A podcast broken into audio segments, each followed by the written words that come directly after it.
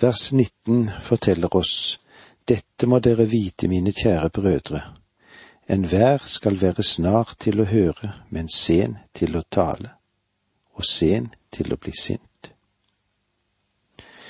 Vi, du og jeg, er gjenfødt ved Guds ord, og vi har fått vårt nye liv av ordets kilde. Og det forteller oss at vi må leve i ordet og av ordet og vi må være snare til å høre. Ordet er ikke bare det vi kan kalle for et gjenfødelsesmiddel, men også et helliggjørelsesmiddel. Ved at vi først og fremst lytter til Guds ord, at vi kan få visdom gjennom Guds ord, og vilje til å bremse både vår vrede og vår tunge. Det er kun ordet som virker det som er rett for Gud, og når vi besinner oss på det som er rett for Gud, kan vi stanse vår vrede. Ordet demmer opp mot vredens avløp. Å ta imot ordet er samtidig å vende seg fra all urenhet og all levning av ondskap. La oss så lese videre i dette mektige budskapet som vi får gjennom Jakobs brev, i vers 20. For sinnet hos et menneske fører ikke til det som er rett for Gud. Menneskets vrede, det står ofte mot Guds vilje og mot Guds verk. Jeg har ennå ikke møtt et menneske som er enig med meg 100 eller som jeg er 100% enig med. Men det må ikke være grunn til at jeg legger meg ut med det. Jakob sier det på denne måte. Sinne hos et menneske fører ikke til det som er rett for Gud. Kanskje du synes at du er sint, vred, fordi du forsvarer troen. Men freden hos et menneske fremmer ikke det som er rett for Gud. Lur deg ikke selv til å tro at du er sint på hans vegne, for han er ikke sint. Han er ute etter å frelse han. Vers 21 Legg deg av alt urent og all ondskap og ta villig imot det ord som er plantet i dere, og som har makt til å frelse deres sjeler. Legg merke til det sterke ordet Jakob bruker her. Vi skal legge av alt urent og all ondskap. Ta villig imot det ordet som er plantet i dere. Det betyr med andre ord at vi må åpne oss for det ord som vi har hørt. Guds ord er det største preventiv mot synd som finnes. Den gamle amerikanske evangelisten Moody sa det på denne måten. Enten vil synden holde seg borte fra Bibelen, eller så vil Bibelen holde deg borte fra synd. Og dette stemmer ganske nøyaktig. Som har makt til å frelse deres sjeler. Jakob taler til dem som er blitt frelst. Du har tatt imot det ordet som er plantet i deg, og det har funnet grobunn i ditt hjerte. Ordet har allerede gitt deg frelse, men du har et liv å leve som en kristen. Frelsen kan ses fra tre tidsaspekter. Jeg er blitt frelst. Jeg er frelst. Jeg skal bli frelst. Jakob taler her om frelsen i presens. Gud prøve troen ved ordet, ikke ved menneskets ord. Guds barn kan aldri komme bort fra Guds ord. Hvert barn ønsker å høre sin fars stemme, særlig hvis det er en stemme som trøster og samtidig korrigerer. Den som ikke er interessert i Guds ord eller holder seg nær til det, det vil si hvis dette dreier seg om et Guds barn, så vil vi snart være i vanskeligheter. For mange er de kommende versene mest kjent i Jakobs brev. Dere må gjøre det ordet sier, ikke bare høre det. Ellers vil dere bedra dere selv.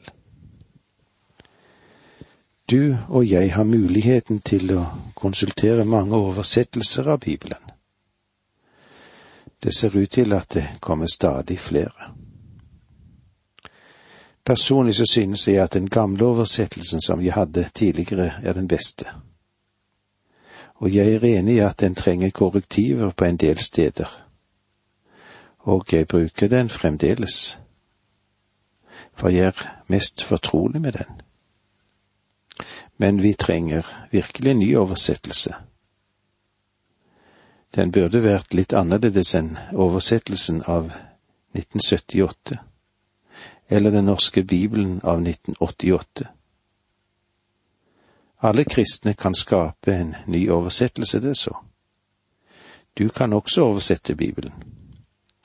Kanskje du protesterer og sier nei, du kjenner ikke meg. Det klarer ikke jeg.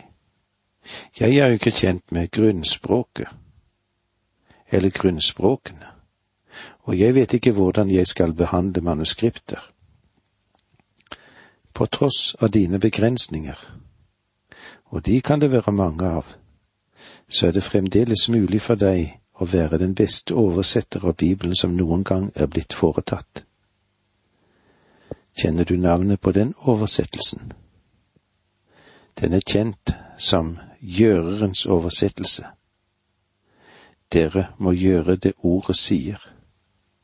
Det er en god oversettelse oversettelsen til ordets gjørere. Paulus formulerer den samme tanken på en litt annen måte. Nei, dere er selv vårt anbefalingsbrev, skrevet i våre hjerter, kjent og lest av alle mennesker, for dere fremtrer som et kristig brev, blitt til ved vår tjeneste. Det er ikke skrevet med blekk, men med denne levende Guds ånd, ikke på tavler av stein, men i menneskers hjerter. Slik står det i 2. Korinterbrev 3, versene 2 og 3. Verden leser ikke Bibelen særlig mye, men den leses av hvordan du og jeg oppfører oss. I versene 22 til og med 25 er vi kommet til Jakobs virkelig pragmatiske fremstilling, og jeg vil gjerne fremstille de på denne måten. Vers 22 Ordets krav. Versene 23 og 24 Ordets risiko. Vers 25 Ordets skaperevne. Vi har i dette avsnittet det som avgjort angår situasjonen der vi lever, der du lever og der jeg lever. Her i vers 22 har vi kravene, Utfordring, utfordringene, eller ordets imperativ. Dere må gjøre det ordet sier, ikke bare høre det, ellers vil dere bedra dere selv her er et element i Guds ord som gjør det helt forskjellig fra alle andre bøker. Det er mange bøker du kan lese om å få informasjoner. Ja, du kan få kunnskap og intellektuell stimulanse. Du kan få åndelig inspirasjon. Du kan oppleve underholdning eller spenning.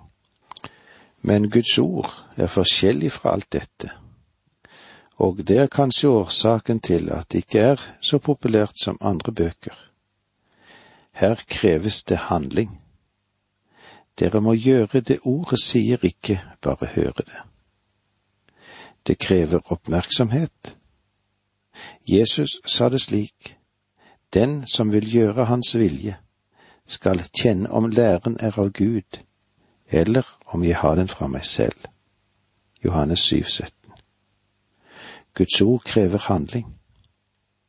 Salme 34, 34,9 Smak og se at Herren er god. Og med disse ordene sier vi takk for nå, må Gud være med deg. Dette undervisningsprogrammet består av to deler. Åge Nevland fortsetter nå med andre del av dagens undervisning. Vi er i Jakobs brev i det første kapittelet, og i vers 22 leser vi slik. Dere må gjøre det ordet sier, ikke bare høre det, ellers vil dere bedra dere selv. Altså, det gjelder om å gjøre det, ikke bare høre det. Og eh, den eneste muligheten vi har til å gjøre de hellige inntrykkene, hvis vi kan si det på den måten, permanent, er at vi overfører dem inn i livet vårt, i kristenlivet vårt. Det er ikke nok å se seg selv en gang i Guds ords speil. Vi må fortsette med det.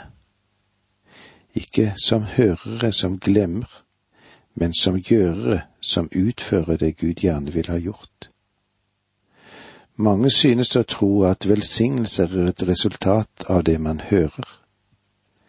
Men det er ikke sikkert det er helt riktig. Det er resultatet av det vi gjør.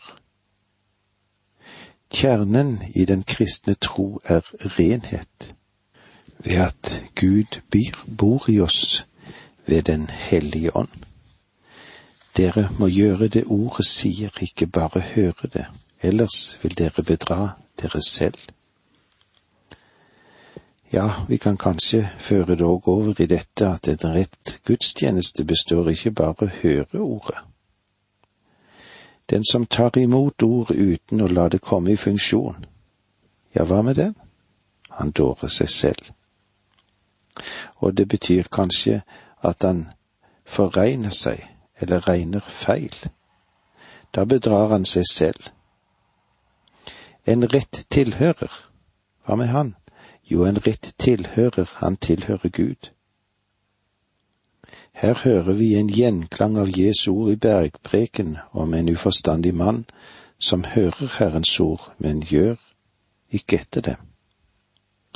En slik mann bygger kanskje huset sitt på sand.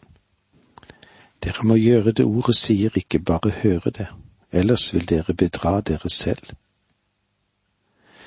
Du kan lese historier, den ber deg ikke om noen verdens ting. Og du kan lese skjønnlitteratur, men der finnes det ingen krav. Ingen deklarasjoner. Ingen forklaringer. Selv om det kan ha en lekse å lære deg som kan ha vært, eller kanskje ikke ha vært, i forfatterens tanke i det hele tatt. Du kan òg sette deg til å lese vitenskapelig litteratur men den stiller deg ikke til ansvar i det hele tatt. Du kan lese en kokebok, og den gir deg en oppskrift, men den sier ikke at du behøver å gjøre deg nytte av den.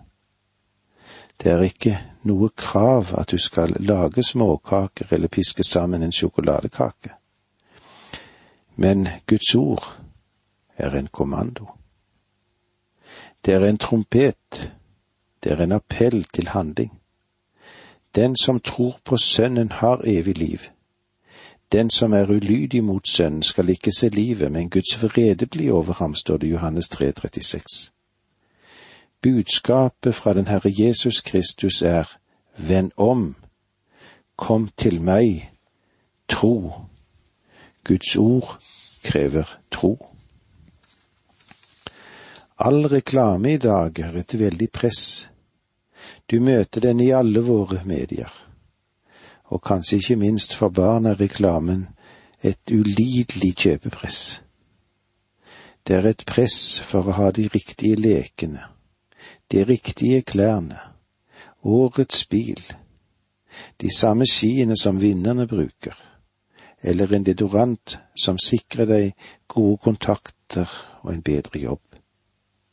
Men Guds ord sier at du kommer til å dø i dine synder om du ikke venner deg til Kristus.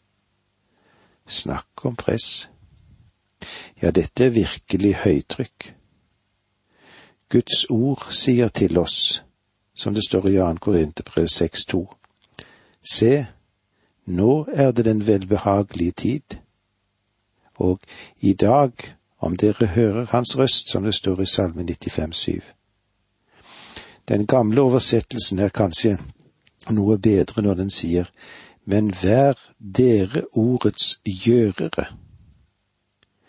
Jakob bruker ikke det vanlige greske verbet for å være som et eimi. Ordet som brukes her er genisete, som bokstavelig talt betyr å bli, å bli født, å begynne å eksistere. Det imperativ som vi møter her, er for, gjen, er for gjenfødte Guds barn.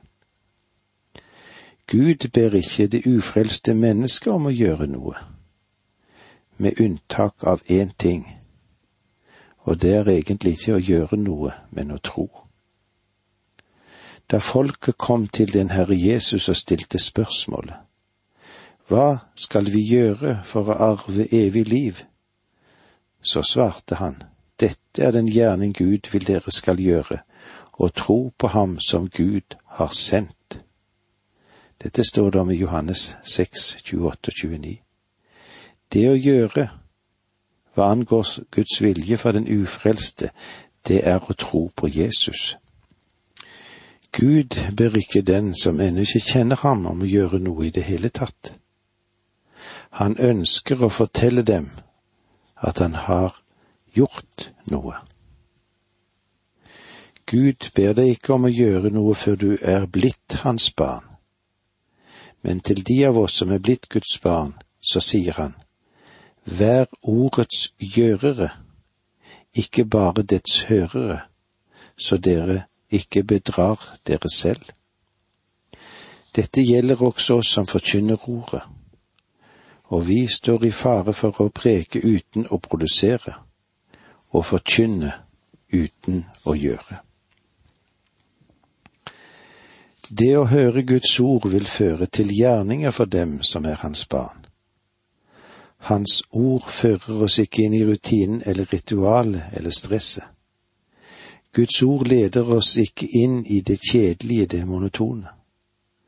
Ordets hensikt er å frembringe kreativ handling og gi produktiv erfaring.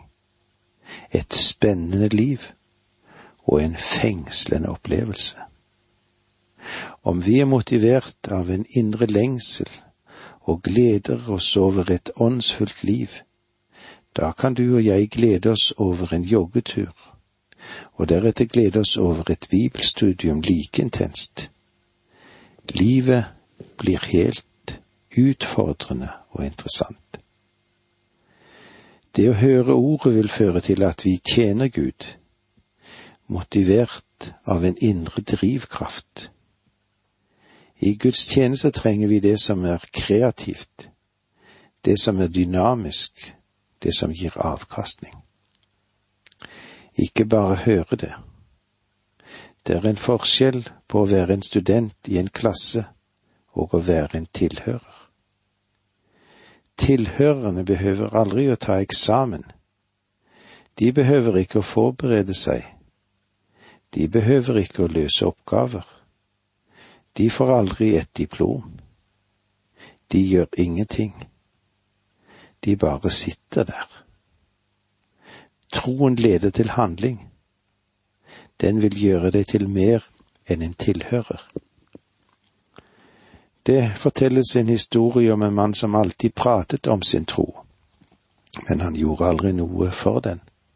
Han talte bare om troen. En dag så en venn av ham når han sto og spann i en snøfonn som bilen ikke kunne komme seg løs fra. Denne mann eller venn kom og sa til ham, Min venn, jeg ser at du sannelig står fast i troen. For jeg sier til oss alle at det er det vi trenger i dag, det å være i bevegelse.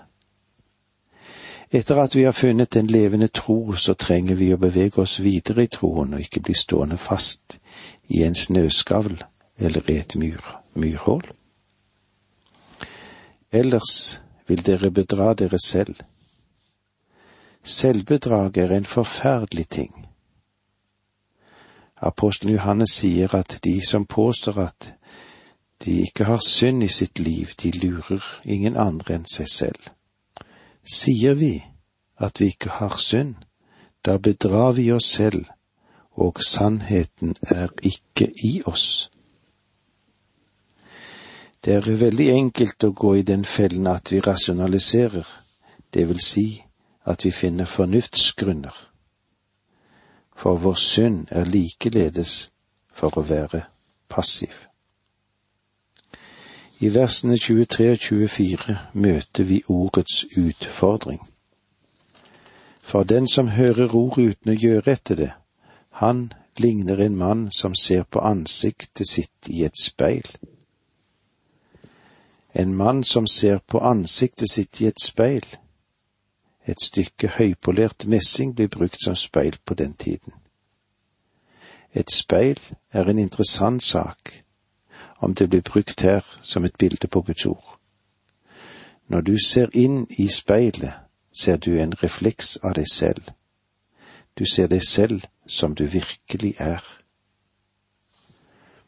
For den som hører ord uten å gjøre etter det, han ligner en mann som ser på ansiktet sitt i et speil. Og med disse ordene sier vi takk for nå, må Gud være med deg.